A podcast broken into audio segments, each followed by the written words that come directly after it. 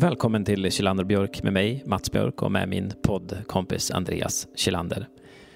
Du lyssnar nu på en podcast där vi har samtal med Nordens ledare, tänkare och kreatörer om framtiden. Och vi hoppas att du som lyssnar nu får nya tankar och ny kunskap som både hjälper dig här och nu i din vardag men också inspirerar dig att luta dig aktivt in i framtiden.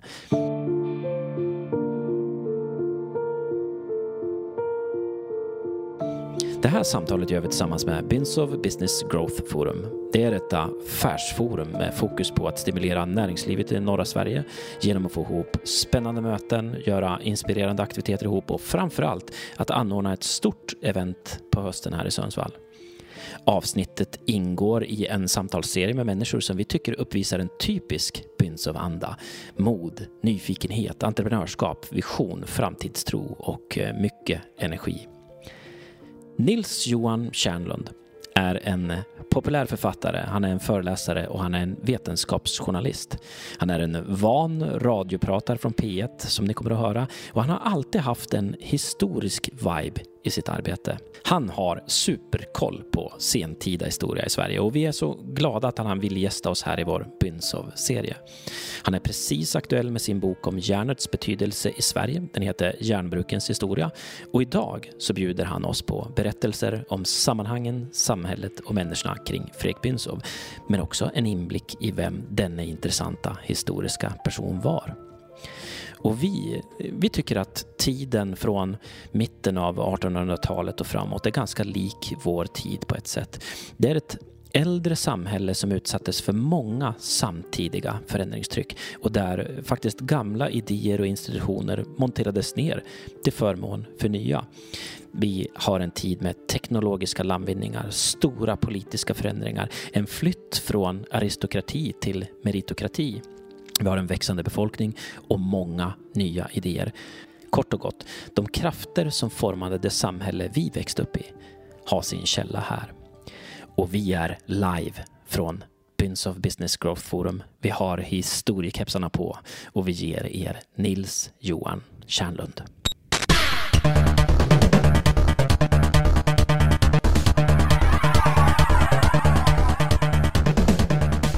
Hej Nils Johan, välkommen till podden. Stort tack för det. Hej hej. Hur är läget idag? Ja, det känns bra. Det känns skönt att vara i Sundsvallsluften, den friska. Vi eh, sitter i eh, Stadshuset. Historisk anknytning kan man säga att vi har direkt här nu då på podden. Men eh, så här, starta, jag klickar på historia. Du uppfattar som att du är jätteintresserad av historia, Nils Johan? Ja, det är mitt intresse och yrke kan man mm. säga, både och egentligen. Eh, ända sedan jag kanske var så här liten två, ja, två tre år kanske tio, men kanske fyra, femårsåldern i alla mm. fall. Eh, så kan jag nästan ha, ha eh, visuella minnen av hur jag traskar omkring runt kyrkoruinen i Selånger.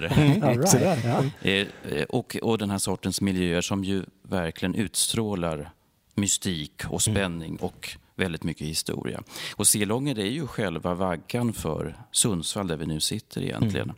Under vikingatid och medeltid så var det ett av de viktiga maktcentra som fanns i den här delen av Sverige. Och då hade ju inte den här nationalstaten bildats ännu, så vem, vem, vet hur det hade, kunnat sluta? Mm. Det är väldigt vackert skulle jag säga där vid pilgrimscenter som har vuxit fram där också och hänga med, med barnen. Så de, mina tycker om att springa där i ruinerna nu. Ja, och, och en ruin är ju mer fantasieggande och stimulerande för fantasin mm. än om det är en, en stor praktfull byggnad egentligen. Jag springer det är min löprunda det där. Just det. Men, eh, Dessutom. Men inte, inte genom ruinen. Ja, fast det, det, är också en liten stigning innan, så det ligger uppe på en höjd. Och då har mina sinnen slutat registrera saker. Så jag har knappt noterat Sundsvalls historia där, för jag har liksom maxpuls där i Selholmskyrka. Ja. Men då är det spännande att tänka att när du springer där så springer du förbi det som var den ursprungligaste hamninloppet mm. till ja till den tidens då maktcentrum. Och eh, eh, dit, ända dit in kom då segelfartyg och skeppades ut förmodligen exportvaror av ja, järn och mm. skinn och mm. pälsar med mera. eh, under vikantid och medeltid. Så det är ju rätt fascinerande att tänka på då. Ja, Men nu är det åkermark. Mm. Vattnet, va, det är ju landhöjningen som präglar vårt landskap. Ja. Hur är det då med, är du mer bekväm att prata historia än samtid, apropå ämnet idag? Ja, det är en bra fråga. För att jag lever ju på ett sätt och vis hela tiden i det förflutna. Mm. Men inte kanske på ett något negativt sätt, att, att man eh, blir fast i, i, i föråldrade strukturer. Så, utan det är snarare att, att jag umgås så att säga, väldigt mycket med olika tidsepoker hela Mm. tiden. Men det, det är ju samtidigt en, en, en, ger en energi att, att ska vi säga, intressera sig för samtid och framtid också. Mm. Eh, hela den politiska utvecklingen nu naturligtvis, allt som händer i vår nära omvärld med Rysslands aggression och invasion av Ukraina. Ja, den svenska inrikespolitiken som är aktuell. Det är alltid stora sådana frågor som är spännande förstås. Eh, och då ger det ju relief att man samtidigt är så intresserad av historia. Verkligen. 100% böjd att hålla med. Och vi på ett väldigt lekmannamässigt sätt gör ju egentligen samma sak, Andreas. Vi försöker ju, när vi blickar in i framtiden, eh, nu ska vi titta lite grann bakåt idag, men när vi blickar in i framtiden så tycker vi att man kan ha stöd av de mönster som finns från historien. Så vissa liksom aggregerade beteenden av människor har en tendens till att återupprepa sig fast det blir inte exakt samma utkomst eller resultat liksom, i, i framtiden. Då. Så jag tycker det är jättevärdefullt just återblicken, liksom, att man tar liksom, lite stöd bakåt. Mm. Det, det är ju en, en viss karta, men den ger ju inte naturligtvis den fullständiga vägen hur man ska navigera Nej. framåt. Det måste man alltid vara, vara klar över. Utan, men det ger ett sätt att leva sig in i hur människor beter sig. Vi får en, en bättre bild av hur människors beteende ser ut på både eh, positiva och negativa sätt. Och eh, historien är på det sättet då väldigt lärorik, men det kommer vi säkert att prata mer om. Fredrik Bünsov, ska vi liksom klicka på, klicka på det? Vi, eh, sammanhanget är ju då att vi eh, poddar live från Bünsov Business Growth Forum i Sundsvall. Och vi är nyfikna på vad vi kan hitta på namnet Bünsov. Vem var Fredrik Bünsov? Ja, för det första hade han säkert gillat det här eh, arrangemanget och, och eh, den här sammankomsten av många kreativa, spännande och väldigt kunniga människor. Eh, han var ju själv en person som gjorde en, en enastående livsresa eh, som, som ingen kunde ha förutse. Men det var just också den tid han levde i som möjliggjorde sådana resor. Han var född i norra Tyskland, son till en konstnär. Eh, han växte upp i en, ska vi säga då, en, en bildad miljö, men det var inte så förmöget hem egentligen. Men han kom att sluta eh, sitt liv som en av Sveriges rikaste personer.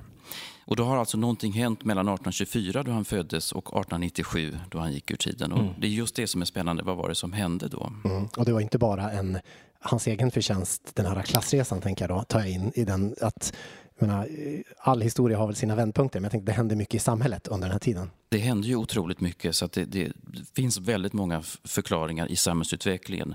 Samtidigt som han då var en sån så kallad self-made man. Ja, just det. Han hade alltså inte det ärvda kapitalet utan han var den som ändå skapade sitt eget öde i, i, på många sätt. Men eh, det hade inte gått utan den här samhällsutvecklingen också under hans, under hans levnad. Eh, och eh, naturligtvis är det en kombination av, av både slump och tur och, och alla de här faktorerna. Att befinna sig ibland på rätt plats vid rätt tillfälle som det brukar heta. Eh, för han växte alltså upp i norra Tyskland och var ganska långt ifrån att han skulle ha hamnat i en miljö i norra Sverige, i Sundsvallstrakten, vilket han gjorde så småningom. Men han hade en morbror som hade utvandrat från Tyskland till Sverige och Sundsvall Just det. eh, ganska tidigt, redan omkring 1817. Ja. Bünsov själv föddes ju 1824, så det här var tidigare. Och denne morbror hade byggt upp en liten firma eh, som exporterade bjälkar, eh, alltså då hugget timmer och även annat virke på egna fartyg eh, från denna då mycket lilla kuststad Sundsvall. Eh, och det här var alltså en, en verksamhet som, som växte i omfattning på 1820, 30, 40-talen.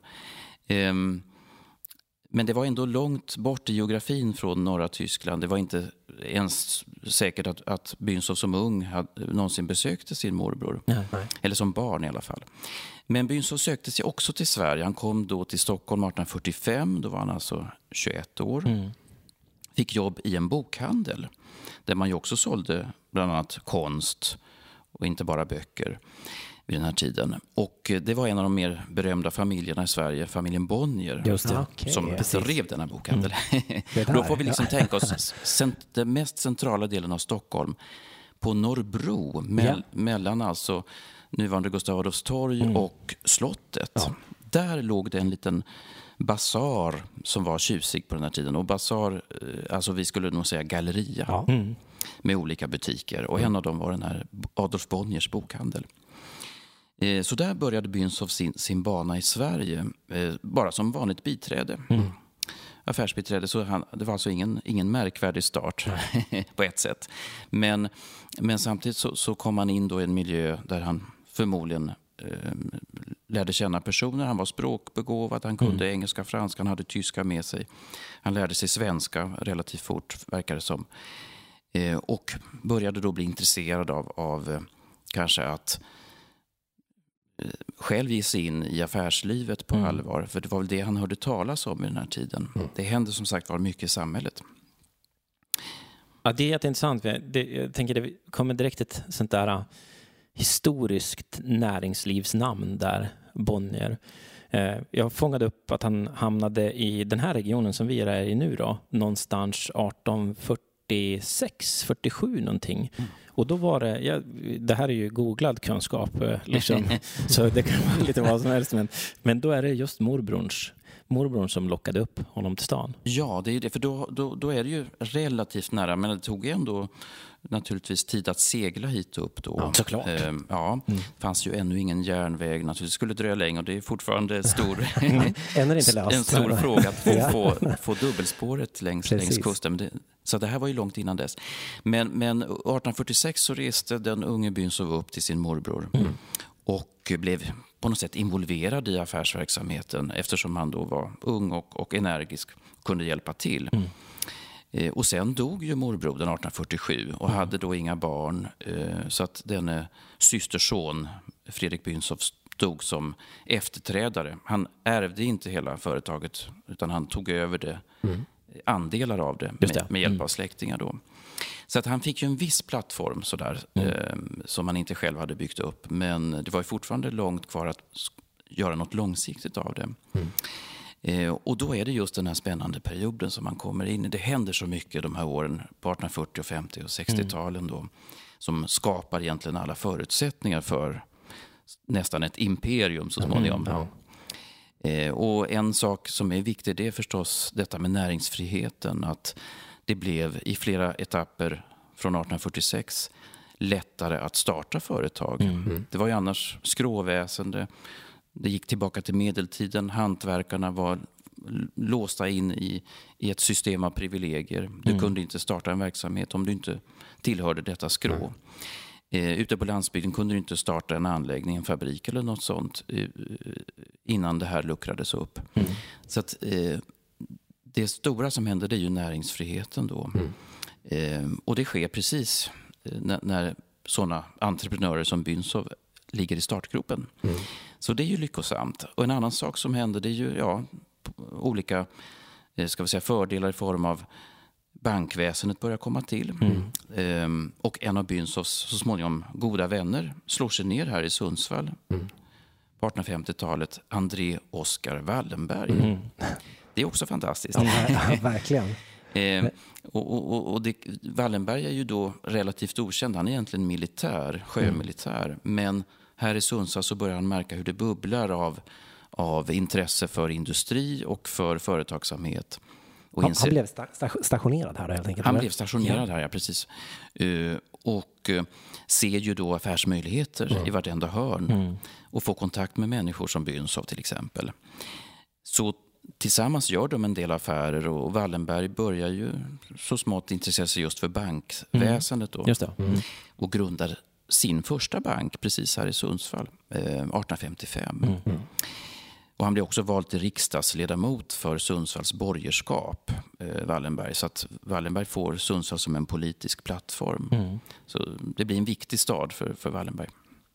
Jag, eh, jag plockar upp den där referensen, det är jättespännande du gör också när du kopplar tillbaks till medeltiden. Mm. För, för mig tar jag också in den, det blir på någon form av referenspunkt för den här liksom enorma förvandlingen som sker för att man ska förstå vilket skifte vi faktiskt går igenom. Verkligen. Eller de gick igenom mm. under den här tiden. Otroligt, eh, otroligt häftigt. Och du, du nämnde Wallenberg och vi pratade innan här, det är ju även fler kändisar skulle jag säga. Mm. Som, som var, och vilken, ja, du ska få berätta om dem, men jag tänker just liksom är det ett, eh, ska man kalla det liksom samhällsbygge? Eh, jag tror det är ett ord som du själv har använt. Eh, det här liksom nya sam är det ett bredare samhällsbygge med tanke på alla de här liksom, personerna som ger sig in i det här och det är fler personer som gör, gör de här klassresorna också nu. Det är ju det. Wallenberg kanske hade lite bättre förspänt. Han, han tillhörde ju en, en, en högreståndsfamilj kan man säga mm. i alla fall. Men, mm. men många andra hade en helt annan bakgrund och kanske var, kom från landsbygden. En del var torparsöner eller även ogifta kvinnor fick en chans att komma fram. Gifta kvinnor var ju fortfarande ganska mycket reglerat men, men ogifta kvinnor fick en chans som företagare och så. Mm. Så att det blev bredare naturligtvis. Ehm, det kom reformer som folkskolan som gjorde att ja, det. det. blev fastställt att alla barn skulle gå i folkskola mm. och sex år. Då. Eh, och dessutom eh, så blev det en ny representation politiskt. Det är klart det skulle dröja länge innan vi fick ett demokratiskt genombrott, mm. men vi fick en förändring av den här, just den medeltida nästan då ståndsriksdagen. Mm. Ni vet adel, präster, borgare, ja, bönder. Mm. det ändrades till en tvåkammarriksdag. Mm. Eh, och där kom det in människor med, med, en väldigt annorlunda bakgrund, även om de då hade kommit sig upp, eh, som det. det heter i samhället, mm. och tillhörde en förmögen klass oftast. Ehm, så eh, hade de i alla fall en annan bakgrund, ehm, flera av dem. Så det, det blir en viss skillnad. Och sen får ju städer och, och olika landsändar mer själva att säga till om, för man bildar då kommuner och landsting. Mm.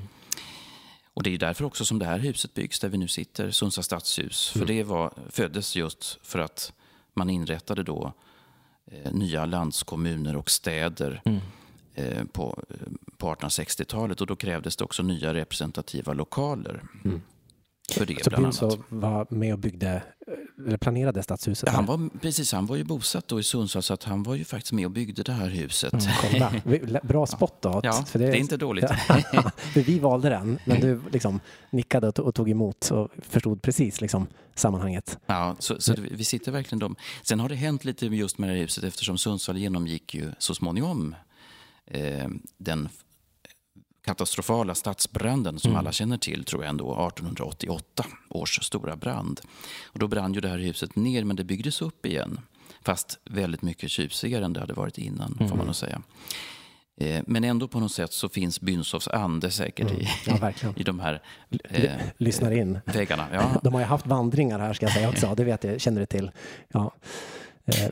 Jag blir nyfiken och liksom eh, dra en, en gir in i, jag vet att vi befinner oss där nu i samtalet, men ändå så här, om man försöker empatisera med skillnaden med handelsfriheten versus att man faktiskt är född till ett skrå. Jag tänker att det måste ha varit en sån extremt accelererande faktor i samhällsbygget. Liksom, det är egentligen den poängen jag tycker du gör här nu, men bara tänk tanken då att vi inte hade friheten att välja yrke själv eller inte fick liksom titta bortom de gränser som någon annan har definierat åt en. Eh, och, och, och liksom hur vi tycker att vi lever i, i liksom oroliga tider i någon bemärkelse men det där är ju en enorm transformation om man säger så. Det är bara det jag sitter och tänker när du pratar. Ja, ja det, det, det är en frihetlig eh, revolution, revolution så att säga. Verkligen. Mm. Och, och, det är så mycket då som sammanfaller som sagt var under de här åren som, som stärker detta. Mm. Så, att, så att lägger man ihop alla de här sakerna, och det är det som lägger till att ja, det blir ju lättare då att exportera också eftersom det försvann många tullar. Mm. Och det blev, blev lättare att resa och det blev eh, många saker som underlättades så, så förstår man att världen vidgades enormt. Mm. Och samtidigt så kom all ny teknik, precis som vi nu tycker att det finns ju precis. fantastiskt precis. mycket ny teknik. Eh, vi kan ha hela världen och eh, rymden också på något sätt i fickan i form mm. av, av våra mobiler och så. Men det är ju ett liknande skifte i mitten av 1800-talet när järnvägen kommer ja. starkt. Mm. Eh, och eh, det är ju en del av detta samhällsbygge också får man säga. Eh, för det blev ju både statligt och privat finansierade järnvägar. Mm. Eh, men just att det blev också statligt gjorde ju att det kom de här stambanorna. Ja, mm. annars, annars hade det nog dröjt mycket längre utan statens eh, insats där. Och ehm, eh, ångmaskinerna då som gjorde det möjligt att både få fart på industrin, mm. Mm. ångsågverken. Byn byggde ju faktiskt Sundsvallsdistriktets första riktiga ångsåg kan man säga. Mm. Mons ångsåg. Just det. 1851 kom den till. Men eh, också ångkraft och för fartyg eh, så att man kunde transportera sig snabbare. Det blev ju också en stor förändring. Eh, och mycket av den tekniken, telegrafen kom ju på 1850-talet. Mm. Wallenberg vet jag var en av dem som ivrade för att telegrafen snabbt skulle byggas ut till Sundsvall. Mm från Stockholm. Då, så, för han var ju riksdagsledamot och ville väl kunna, när han var i Sundsvall, hålla koll på vad som händer i Stockholm. Exakt. Distansarbete. Exakt. Och tvärt, distansarbete, precis. eh, och alla de här sakerna tillsammans, det är ju en, en, en jättestor frihetlig revolution mm. egentligen. Mm. Eh, och där är alltså Bünsov då naturligtvis en, han blir en nyckelperson mm. i, i den, den industriella utvecklingen då framför allt. Jag tänker, så här mindset-fråga, den är ju extremt svår att, att liksom svara på. Dem. Men, men ibland när man, eh, när man tittar på samtiden, då kan man tycka att en del är som en, vad, vad du yrar, vad tänker du att det där, det där går ju inte att bygga liksom, eller eh, framförallt då när vi har liksom teknikentusiasm. Men det här gänget måste ju liksom ha varit sådana där som eh, var, var tidiga att omfamna var en som kom på teknikdisken, tänker jag. Annars går det ju inte med den här snabba expansionen den här, och liksom att komma in sådär. Det blir en enorm ekonomi ur de här herrarna, tänker jag.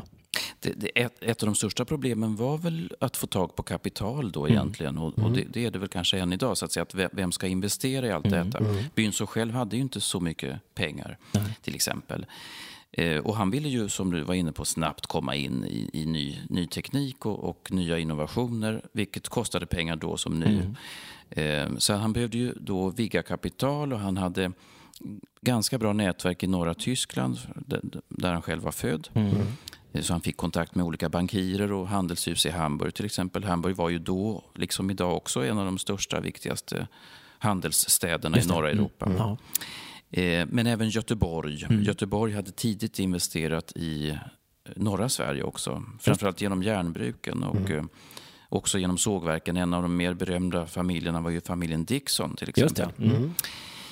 Och Bünsov var ju inte ensam vid den här tiden. Det kan man ändå betona att det fanns ju flera av dem som blev så kallade träpatroner. Mm. Familjen Dixon var en sån, Kempe var en annan och det fanns fler namn. Mm. Men just Dixon hade en bas i Göteborg, mm. ett stort handelshus där och kontakter till England och Skottland och så. Så att de investerade mycket i norra Sverige. Och Bünsov han fick kontakt med en annan Göteborgsfamilj som heter Röss. Mm. Och Röska museet i Göteborg det, är berömt. Det. Kolla, just det. Alla bitar faller ja, på plats. Ja. jag förstår inte varför saker heter. Bra, bra idé de hade på namn. Liksom. Precis. Ja. Uh, och, det är ett känt konst, konst och konsthantverksmuseum, mm. designmuseum heter det kanske idag. Mm.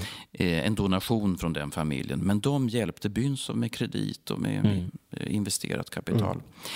Eh, och även Wallenberg blev en sån god kontakt. Han hjälpte också till att förmedla lån.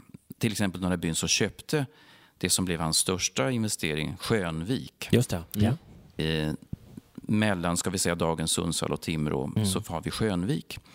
Och eh, där äg, den marken och hamnen ägdes av en engelsk firma på 1850-talet. Det är också lite intressant att mm. det fanns ju utländska ägare här. Mm. Eh, men byn som köpte detta och det ingick då skog och det ingick mindre vattendrivna sågverk längre upp längs Indalsälven till exempel. Just det. Mm. Och där byggde han inom några år eh, och startåret 1861 eh, sitt största ångsågverk Skönvik. Just det. Och det blev också ett aktiebolag, Skönviks AB. Mm. Mm. Vilket också i sig var en nyhet där med aktiebolag, att man då kunde fördela riskerna på ett nytt sätt. Just det, det tänker man inte på att det, är ju, det var ju the new thing. Det, Det är som våra spackar. Ja, Ja. en innovation. Liksom. Ja, men det är det. Som man, Det var det verkligen. Absolut. Eh, Och, och- och det, det gjorde ju också att det blev lite lättare att, att få in kapital Mm. naturligtvis. För att, att du behövde inte själv stå för hela risken. På samma sätt som, som det ofta hade sett ut tidigare med enskilda handelsbolag eller firmor. Eh, Så att, att det var mycket där som hände på det viset som underlättade av ja, nya Mm. lagar, institutioner. Du använder ordet revolution. Eh, Mats, du säger transformation, men Mm. vi pratar samma sak tror jag här. Och jag är lite intresserad av den här, förutom den här, eh, ska vi säga, mina ord då, härliga liksom, nybyggaranda i upptäckten av den här nya tekniken och den här liksom, eh, entusiasmen Mm. inför det, Mm. så tänker jag också att det var ju ett överlevnadsskifte, verkligen. Jag är lite sugen på att dra lite så paralleller mellan historien som går igen. Vi har en historisk vändpunkt även nu när vi ställer om till en, till en hållbar värld. Men om vi, om vi stannar kvar i historien, där jag vet att du är bekvämast, så, tänk, så tänker jag liksom, eh, kan du beskriva vad det här överlevnadsskiftet var, var och vad man fick göra? För att jag, jag plockade upp också energifrågan även då. Du nämnde ångsågen. Vad, vad, det här överlevnadsskiftet, vad, vad hände? Man kan säga att Bynsson representerar ju mycket av det nya i och Mm. med träindustrin blir vår viktigaste exportnäring då vid den här tiden. Det. Men det hade ju varit järnet Mm. eh, tidigare. Järnet var det som egentligen la grunden till Sveriges välstånd Mm. genom alla tider. Eh, och eh, det är det som eh, jag skriver om i, i en bok som heter Järnbrukens historia om järnets avgörande roll i, i svensk ekonomi Mm. Som går egentligen tillbaka i förhistorisk tid. Det. vi, vi ska inte förirra oss allt för långt bort, Mm. men, men så är det. Och sen under medeltiden kom ju de första hyttorna i Bergslagen framför allt. Mm. Men under 1600-talet så kom det att bli järnbruk i, även i norra delen av Sverige. Mm. Och um, Galtströms järnbruk utanför Sundsvall är ju Ja. ett av de äldsta, eh, grundat 1673 redan. Eh, Värmland hade också många bruk. Men sen under 1800-talet så skedde just ett skifte inom järnhanteringen. Stor konkurrens från utlandet. Mm. Eh, ny teknik som gjorde även där att man ville bygga storskaliga järnverk Mm. med, med nya metoder för att tillverka järn och stål. Eh, och eh, många av de här mindre, nästan hantverksmässiga bruken, de blev helt förlegade. Det- de hade ingen chans att överleva egentligen. Och många av dessa bruk, det var ju flera hundra egentligen, tvingades då skala ner driften och till slut eh, stänga igen butiken som det heter. Eh, och flera av de här bruksägarna, eh, de kunde ändå klara ett skifte för de hade väldigt mycket skog. Mm. Och skog representerade ju den här nya värdefulla tillgången. Just det. Mm. Skogens gröna guld var det nu som gällde på 1800-talet. Så att från brukens gamla stora skogar där man hade hämtat framförallt då träkol för, för att driva eh, bruksverksamheten så kunde man nu växla över spår till att kanske anlägga ett sågverk eller att sälja skog eller arrendera skog. Ehm, eller också att, att bygga till och med cellulosafabriker. Det kom ju senare under slutet av 1800-talet. Så det är ett jättestort skifte. Och det finns ju ett bevingat uttryck, eh, just kanske hämtat från Värmland, att vi, vi sjunker med järnet men flyter på träet. det är väldigt Ja, bra. fa- Fantastiskt. Ja. Eh, och, och det säger väldigt mycket just om, om det här skiftet, att, att det fanns en chans då att, att växla över för den som var eh, beredd att se den här nya möjligheten. För det kräver ju i och för sig nya investeringar. Man måste tänka nytt, man måste kanske ha modet då att, att göra någonting annat. Eh, Men för sågverks och trävaruindustrin så var det här också en fördel att komma över då bruk, gamla bruksskogar. Så att Bynsov och andra de, de kunde faktiskt eh, förvärva ofta skog från, från gamla järnbruk. Just det, ja. Eh, Så, så det är en del av det här. Och sen fanns ju även mycket stat, statligt ägd skog. Eh, Och egentligen var gränserna lite flytande och vi ska inte hamna för mycket i det här med, med skogsägande för det var ju liksom en kontrovers förstås. Ja. Men, men, men en, en hel del av, av skogen hade kanske inte så utstakade ägogränser överhuvudtaget. så Nej, det var nej. mark som hade varit betraktad som helt värdelös eh, tidigare. Och som fortfarande var värdelös om man inte hade kapital Ja. nog att utnyttja den. För nu krävdes det stora investeringar då i flottningsleder till exempel. Ja. För att flotta fram det här timret. Det, det, det, var så kapitalslukande att ingen enskild bonde kunde ju göra det på egen hand. Nej.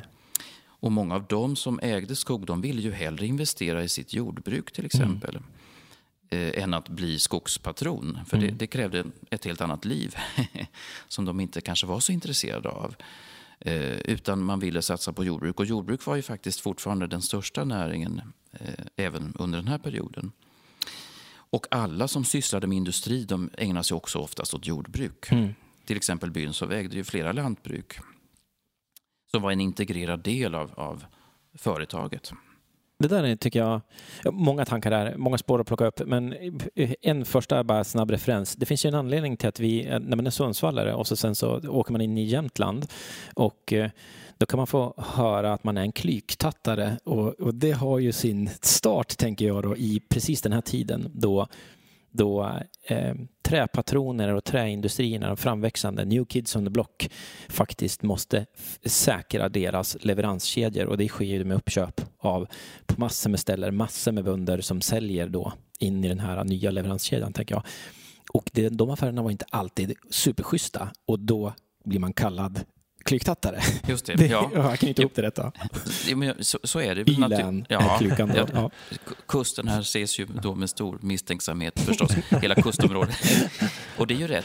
Och en del affärer skedde säkert så, samtidigt som eh, det också finns så väldigt mycket, mycket vittnen från den tiden att man ville sälja för att helt enkelt få in kapital till andra investeringar. Såklart, såklart. men det är klart, när, när, när, nästa generation eller barnbarnen tittar tillbaka och säger mm. oj, vi ägde så mycket skog, varför sålde du? Mm. mm. De, måste bli, de måste ha blivit lurade. Mm. Ja, men det, det tror jag säkert. Ja, så mm. det finns liksom olika historier som, som hakar i varann. Man känner sig ju lurad om man har sålt, även om man nu skulle ha sålt, ja, man kanske skulle ha ägt Microsoft tidigt och så är det någon som har sålt det istället för att spara eller vad som helst. Eh, det är ofta så där att, att med facit i hand så kan man titta tillbaka och se hur, vilka affärer man skulle ha gjort. Exakt, exakt. så är det ju. Eh, och det gäller väldigt mycket det här med skogen. Just eftersom det fanns så många andra drivkrafter samtidigt. Mm. Eh, men sen kan man lägga till en sak om Bünsov, att han var ju en som tidigt köpte skog. Mm. Vissa andra patroner de köpte avverkningsrätt mm. istället på, på ett visst antal år. Eh, det kunde vara flera decennier i och för mm. sig. Men, men Bünsov var väldigt mån om att själv äga sina tillgångar mm. hela tiden. Han ägde fastigheter, han ägde allt möjligt. Mm. Eh, och han ville också så att säga, helst vara likvid hela tiden förstås. Just det. Så att eh, det fanns en, en försiktighet i det på ett sätt mm. eh, som utmärker honom. Han är ju, det, han hedgade ju sina risker tänker jag där också. Att han var ju verkligen en, en att han hade en, en hel portfölj där av, av olika, eh, ja, han spred sina risker så att säga. Han gjorde det och det kunde ju sluta illa också.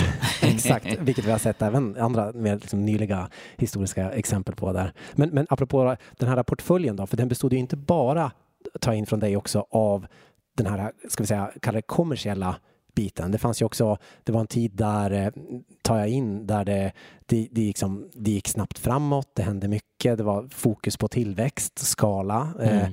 men, men i det är vi också liksom, människor och vill hitta någon form av liksom, meningsfullhet. Mm. Eh, hur, hur levde han där? Ja, precis. Kring, hur, hade han hur, fick han mening i sitt liv? Det skulle vara intressant att gå in i hans huvud och få se mm, detta. Verkligen. Men det märks ju att han är väldigt präglad av sin härkomst och där han var uppväxt. Och hans pappa var konstnär och hans farbror var konstnär till exempel. Mm. Eh, och eh, eh konst och kultur tog, mm. Tog en stor del av hans tid. För, men samtidigt så var ju långa arbetsdagar. Det finns ju berättelser om att hans nära medarbetare de jobbade ju alltid från mm. morgon till kväll och det gällde ju lördagar. På den tiden det gällde nog nästan även söndagar i Bünsovs fall. Mm. Att det, mm. liksom, arbetsveckan tog aldrig slut nästan. Eh, men han unnade sig naturligtvis eh, eh att gå på teatern eller att gå på konserter. Mm. Han understödde, alltså han gav pengar och uppmuntrade, vi skulle säga sponsrade kanske idag, mm. konstnärer. Mm. Eh, och det var ju den tidens unga, skickliga, spännande konstnärer. Mm. Eh, som vi idag betraktar som klassiker, som Marcus Larsson som målade sina vattenfall mm. och väldigt spektakulära landskap. Eller Johan Tirén som målade mycket av Jämtland och, och mm. det norrländska landskapet och så. Ehm, så Bynsow var väldigt intresserad av allt det här. Han hade ett ganska stort bibliotek, naturligtvis privat bibliotek, men han understödde också, eller gav pengar till, till offentliga bibliotek mm. och sådana eh, bildningsförbund och föreningar och så. Mm. Eh, och det var väl ett sätt att vilja stärka hela samhällsutvecklingen ja. förstås. Eh, och sen byggde han ju fantastiska hus. Han var mycket road, förstår man ju, av arkitektur. Ja. Och, eh, några av de mer spektakulära husen från den där tiden, eh, från, ja, från 1880-talet i alla fall, mm. de kommer eh, från, hans eh, kapital. Mm. Eh, Bynsovska huset på Strandvägen i Stockholm. Japp. Det är ett av de största, magnifikaste palatsen. Eh, ritad av Isak Gustav Claesson som då mm. var tidens Claesson, ja. modearkitekt. Mm. mm. Och Claesson ritade ju även eh, Bynsovs sommarhus, ja. Villa Märlo mm. i Timrå mm. norr om Sundsvall. Som är ett litet slottsliknande hus. Fantastiskt med, vackert. Fantastiskt, ja. ja. Med stor park och trädgård. Och det finns brev bevarade där byn så själv skriver om att den här parken och trädgården ska utvecklas som Rosendal. Ja. Rosendals mm. trädgårdar mm. på Djurgården i Stockholm som ju än idag är en sån här trädgårdsoas. Mm. Så Bynsov hade eh, ett, ett brett intresse mm. för att lämna något fint efter sig, märker man. Mm. Eh, och ha någonting att njuta av. Och det här var ju naturligtvis ett avtryck. Han hade kommit någonstans i livet och ville han visa det förstås. Eh, men han anlitade alltså de här som kom att bli sen väldigt tongivande personer. Ja. Vilket är spännande då. Klasen var i början av sin karriär när det här gjordes. Mm. Men sen blev han då eh, en av de eh, mest kända och eh, största arkitekterna i Sverige. Mm. Kanske mest känd i Stockholm för Nordiska museet, just det, just Hallwylska palatset, mm. Östermalmshallen och ja. flera sådana byggnader. Mm. Så, så det här var en viktig del och att lämna efter sig någonting och att eh, allt detta med affärer och pengar och ekonomi, det ska ju skapa någonting som är långsiktigt. Mm. Eh, arbete förstås, försörjning men också kultur och mm. odling. Andlig odling då. Mm. Ja. Men den tycker jag är, alltså om man bara snabb gör, jämförelse med entreprenörskapet idag, för vi är ju i ett entreprenörssammanhang jättemycket när vi pratar Fredrik Bynsov och liksom Business Growth Forum. Eh, och då, då tänker jag, det här, det här är, jag bara skjuter iväg en tanke nu och så får du liksom eh, får den bra sen efteråt. Ja, det är spännande. ja, men jag tänker, eh, gamla stånden, de, då, när du var adel, där, med den fanns det med ett ansvar. Du byggde för familj över lång, lång tid. Det fanns en långsiktighet i varenda move man gjorde. Och här har vi faktiskt öppnat upp samhället helt plötsligt så vem som helst i princip som hade möjlighet kunde komma in och göra sina move. Det är, det är liksom scenen för de här herrarna, Bynsof med flera. Och då tänker jag att de kanske Eftersom jag, det är så himla mycket samhällsbyggare i de här, alla de här, Axel Jonsson, tänker jag, Kryger, liksom, eh, ja, men, de här kändisarna från förr, de är, de är samhällsbyggare hela bunten. Och jag tänker om de är de inspirerade liksom från adeln trots att de kommer eh, trots att de är borgare och inte behöver egentligen vara samhällsutvecklare. De kan göra vad, vad de vill. Liksom. Eh, det är bara en tanke som jag har. Ja, du, du har nog kan det finnas något i det? Har, de, har de fångat en, en, del av det här att, att det, vad de ville skapa var ju nya dynastier. De ja. hade ju mm. ingen, ingen börd. Men, men för byn så märker man att det faktiskt är viktigt att eh, det finns nämligen, till, bara som ett exempel, ja, förutom att han skapar det här slottsliknande huset med torn och tinnar och så, mm. Eh, så låter han också i huset placera in ett vapen, en ja. vapensköld och det är släkten Bynsovs vapen. Mm. Eh, men det är ju ett borgerligt vapen, mm. mm. eh, inte ett adligt vapen. Och det fanns en tradition, det här vapnet fanns i familjen belagt hade man väl kommit underfund med när man tittade tillbaka i historiska papper i norra Tyskland. Men det kan ju ge sken av, av att man tillhör till en, en, en, en, annan bakgrund, en aristokratisk bakgrund. Mm. Eh, så att jag tror att det fanns naturligtvis en, en hos flera av de här eh, affärspersonligheterna en strävan att bli erkända. Mm. Och att bli erkänd var att också visa upp en livsstil som påminde om den aristokratiska. Sen var det ganska vanligt att, att de som hade fått pengar då gifte in sig i, i adeln. Mm. Mm. Och att adeln som hade i vissa fall kommit på obestånd gärna gifte in sig i förmögna eh, Tack för familjer. kistan. Ja. Eh, och ett sånt äktenskap det är ju till exempel det här mellan Wilhelmina Kempe, Mm. som tillhör då träpatronfamilj, och en schweizisk greve, Walter von Hallwyl. Just det, ja. För då får Walter von Hallwyl, som inte har så mycket pengar, då får han en stor förmögenhet och kan leva ett fullt ut aristokratiskt Mm. liv resten av livet. Och Wilhelmina Kempe, ja hon får en grevinnetitel. Mm. Och eh, blir, blir, eh, får en helt annan status då i samhället än att bara vara dotter till en, eh, till en, en ska vi säga, ko- kommersiellt driven va- familj som, som familjen Kempe var. Så att, och den där typen av, av ibland då resonemangsäktenskap, men det fanns kanske i det fallet fanns det också kärlek med. Men det fanns andra exempel där det kanske var att man blev bortgift, tyvärr. Ja, otroligt. Jag kollar ju på Game of Thrones. Ja. Så jag tar in lite utvecklingen, var man Jo, hittar sin, typ. vart man hittar sin inspiration. Typ. Jag skulle vilja snacka lite grann om, eh, du nämnde din bok där. Mm. Det var, blev jag nyfiken på. Vad, järnbrukens historia sa du? Järnbrukens historia är en, en nyutkommen bok som tar ett brett grepp om, om just järnets historia. Inte bara brukshistorien utan även lite längre tillbaka, alltså egentligen nästan 3000 år. Så långt vi kan hitta spår av järntillverkning i Sverige. Eh, för de äldsta arkeologiska fynden är, nästan så gamla som, som 3000 år. Eh, och har ju då på olika sätt järnet präglat samhällsutvecklingen förstås. Det var en viktig exportvara under, ja, under järnålder, under vikingatid. Eh, och sen blir den allt viktigare eh, och- och egentligen som, som en ryggrad i svensk ekonomi.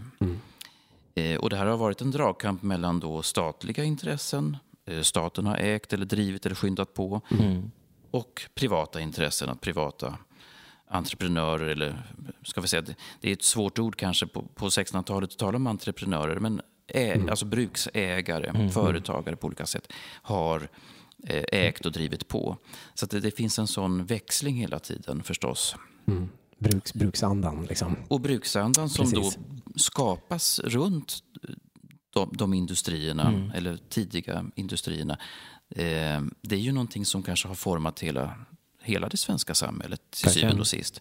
En bruksanda som går ut mycket på ja, plikt och lojalitet och arbete, eh, strängt arbete på ett sätt, men också eh, en del av en välfärd. För att vid de flesta bruken så togs man om hand, som det brukar heta, från vaggan till graven. Eh, och det skapades olika system för pension och eh, ersättning vid sjukdom, eller vad vi ska säga. Eh, eh, Söderfors bruk vid Dalälven, där finns ju ett fantastiskt vackert änkehus som är byggt i slutet på 1700-talet av sån här slaggsten i flera våningar. Fantastiskt hus. Eh, Det där är ett exempel på tidig välfärd som då de enskilda bruken stod för. Ofta byggde de skolor också. Det var långt innan den här folkskolan kom till och så. Eh, Men så småningom så var det så många i Sverige som kände till bruksandan som själva hade kanske växt upp. Även bland politiker. Så att under början av 1900-talet så kan man nog säga att det som blir folkhemmet det är väldigt inspirerat av Precis. den här Just bruksandan, eller brukskulturen. Eh, och flera av de tongivande personerna, flera statsministrar på den tiden, Arvid Lindman till exempel, han var själv både politiker och brukspatron. Eh, på Iggesund bland annat var han eh, verksam. Eh, så att det här är någonting som, som hänger ihop. Och i den här boken Järnbrukens historia, som också är en väldigt bildrik bok, för att det är väldigt spännande att följa den här historien genom bilder, alltså målningar och foton och så. Så kan man också även där hitta Bynshov till exempel. Just. Ja, Han, han finns med i den här boken för att även om han är känd som trämänniska och eh, sågverkspatron i första hand så även han gav sig in i järnet.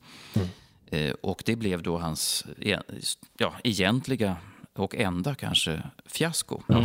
Right. Jag, hade, jag fattade, det också. Ja. Ja, ett, ett järnverk som då skulle ersätta alla de här mindre bruken i Medelpad. Ja. Ett järnverk som han började bygga vid Nedansjö, vid Ljungan, nära Stöde. Eh, och det plöjdes ner nästan ett par miljoner i det här till slut, på, i den tidens penningvärde på 1870-talet. Alltså. Enormt stor eh, investering, men på grund av konjunkturer, på grund av att han kanske hade överskattat eh, då behovet av, av järnprodukter och konkurrens från nya bruksorter som Sandviken och Domnarvet och mm. andra kända bruksorter så fanns ju inte den här efterfrågan fullt ut. Så detta blev aldrig klart. Eh, utan Bynshovs järnverk i Nedansjö blev eh, ned, ja, nedlagt innan det hann starta. Mm. Du har ju du har skrivit mycket historia och, och bra historia. Vad, vad känner du liksom, vad, från dig själv, varför känner du den här historien, varför känns den viktig liksom, att göra tillgänglig? Ja, det, det, det, järnets historia eller järnbruket, ja, det handlar väl kanske om att jag kan minnas själv från skolan att det var väldigt lite om företagandets historia, eller mm. ja, det, ja. Som, det som ska vi säga, ekonomiskt har byggt Sverige. Så att, eh, det, det, finns, som jag upplevde kanske en, en, större lucka när det gäller det. Vi vet ju mm. mer om kungar och krig och, och vi vet mer om, om eh, de, de, stora dragen. Men just företagandet och näringslivets villkor och det som ofta då har satt sin prägel också naturligtvis på samhällsutvecklingen mm. Eh, på väldigt många sätt. Mm. Det blir lätt bortglömt för det har skapat inte bara ekonomi utan även kultur. Mm. Väldigt mycket. Mm. Eh, och lämnat efter sig fantastiska miljöer också. Så att, mm. att, uppleva nu och resa runt i Sverige och se mm. de intressanta järnbruksmiljöerna till exempel. Det är ju en stor upplevelse för många att göra det. Um, och det är också ett stort arv att ta hand om. För det, är också, ja, det kostar naturligtvis, men det, det är väldigt värdefullt för vi är nästan ensamma att ha så mm.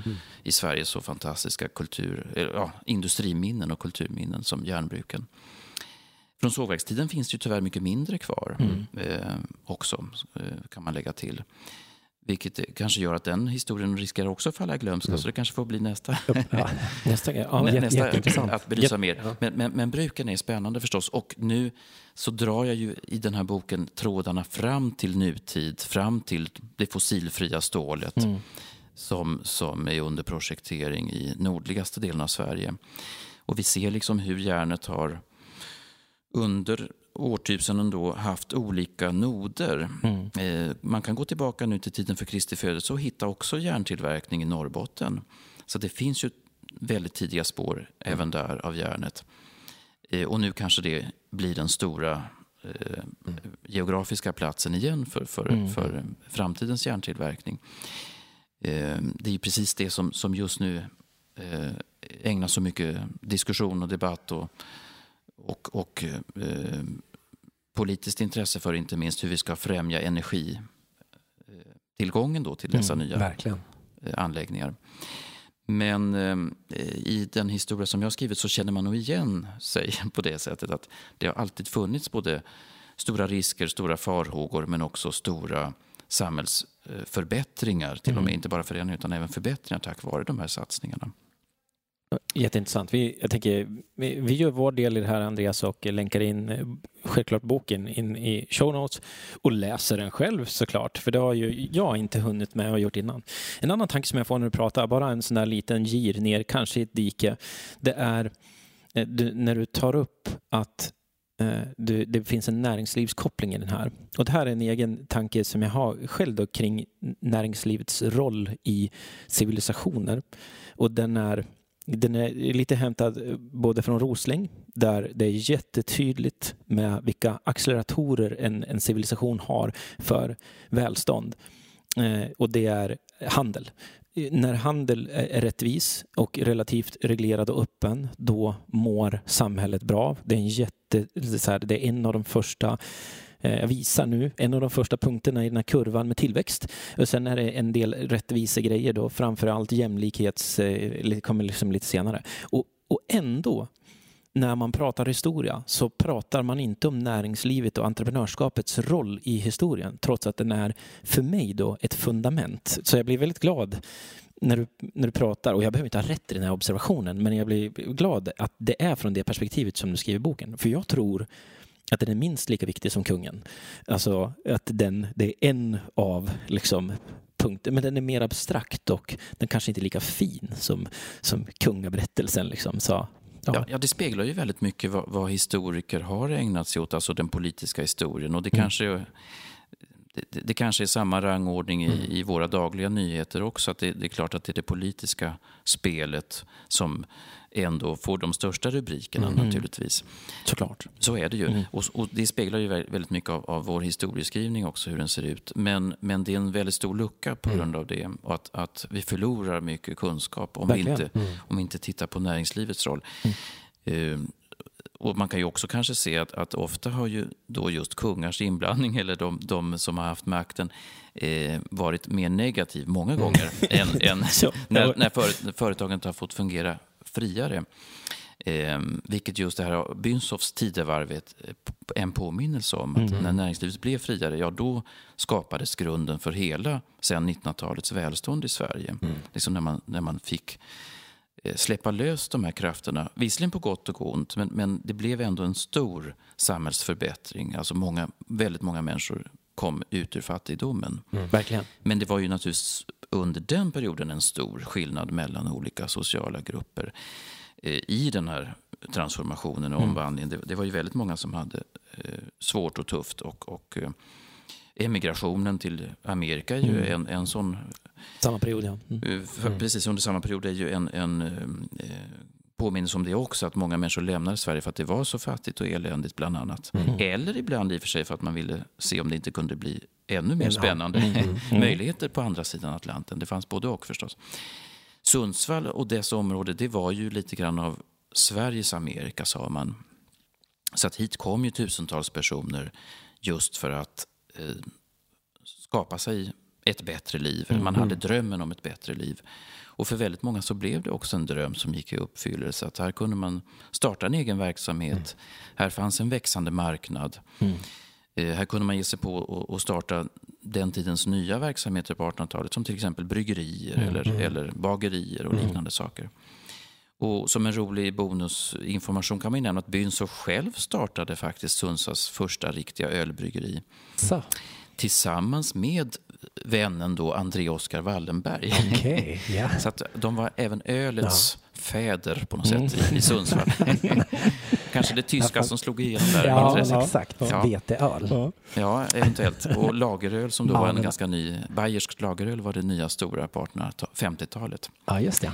Ehm, Dåtidens IPor ja. ja, precis. Alltså, Kidsen drack det, precis, för det gamla svenskölet var ju sån här färsköl. Mm, då. Mm, ja, men, men, men, lageröl var, var, krävde också mer pengar, mer mm. investeringar. Och då, så, som det är än idag. Mm. Eh, så det där är lite intressant hur man gav sig in på nya, eh, nya delar av konsumtionsmarknaden. faktiskt. Verkligen.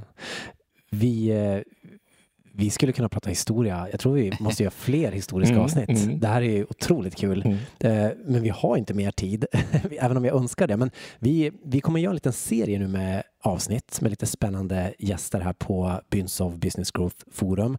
Och vi, eh, vi har en avslutningsfråga som vi, vi du är först ut. Vi testar den på dig så får du liksom säga vad du tycker om du mm. tror vi kan köra den här. Eh, och den går något i stil med då Fredrik Bünsov, precis som jag pratat om nu, var ju verkligen då en mångfacetterad person. Eh, han verkade också ha helt rätt liksom, mindset eller egenskaper för den här tid som han levde i. Men om vi nu då ska blicka framåt, vilka egenskaper tror du blir särskilt viktiga för att lyckas med satsningarna här i norra Sverige eh, framöver? Ja, egen, egenskaper det är ju förstås mod och djärvhet som man brukar prata om. Men det är också att betona, tror jag, eh, att det behövs mer i ett samhälle. Vi behöver kultur och vi behöver eh, välfärd och vi behöver sådana saker som attraherar människor att komma till norra Sverige mm. och bosätta sig här. Alltså det här med att få kompetensförsörjningen. Mm. För det tror jag är en av de viktiga frågorna. Och där hade byn så lite lättare för det fanns ett stort utbud av arbetskraft mm. Eh, och människor som bara väntade på att få sätta igång och jobba. Mm. Eh, idag så kanske vi har större utmaningar när det gäller det och också större krav och förväntningar mm. på vad ett, en, en, ett gott samhälle. Så att eh, även om vi har en fantastisk attraktiv miljö i norra Sverige, både från Gävle och Söderhamn och Hudiksvall och Sundsvall och norrut, eh, så krävs ju också att, att lägga mer vikt vid, vid saker som, som gör platserna och kommunerna attraktiva. Mm. Så det, det, är en viktig, det är ju ingen egenskap, men det är en viktig faktor. Jättebra. Ja, toppenbra tycker jag.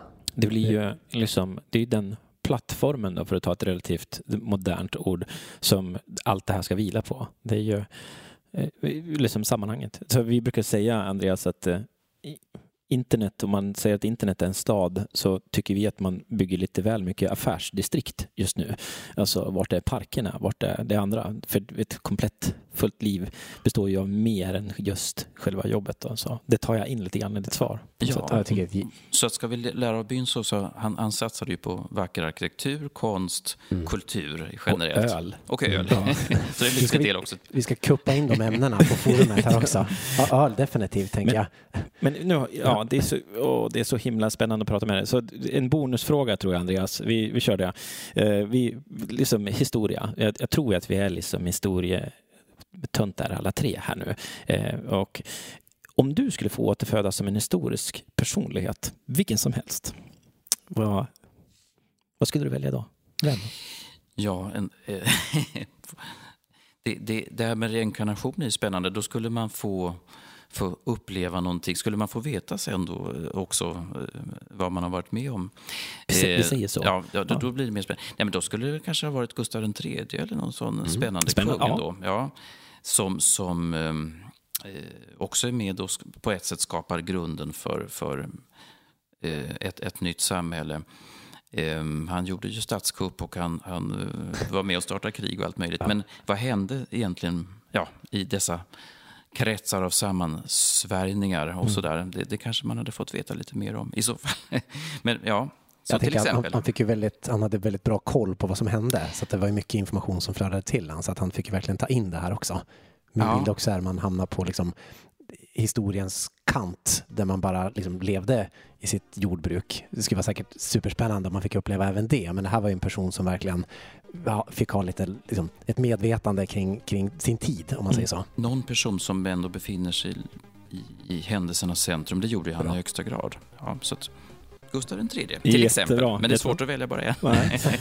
Jag, jag skulle vara von Fersen tillsammans då liksom. Ja, Med, ja, just det, med Maria Antoinette. ja, ja, just det, tror jag. Jag svarar på min egen fråga här. men Sen så slutade det ännu, nästan ännu blodigare än för det, Gustav var, det var III. tyngre för honom ja, på slutet. Von Ja. Fersen blev lynchad. Mm.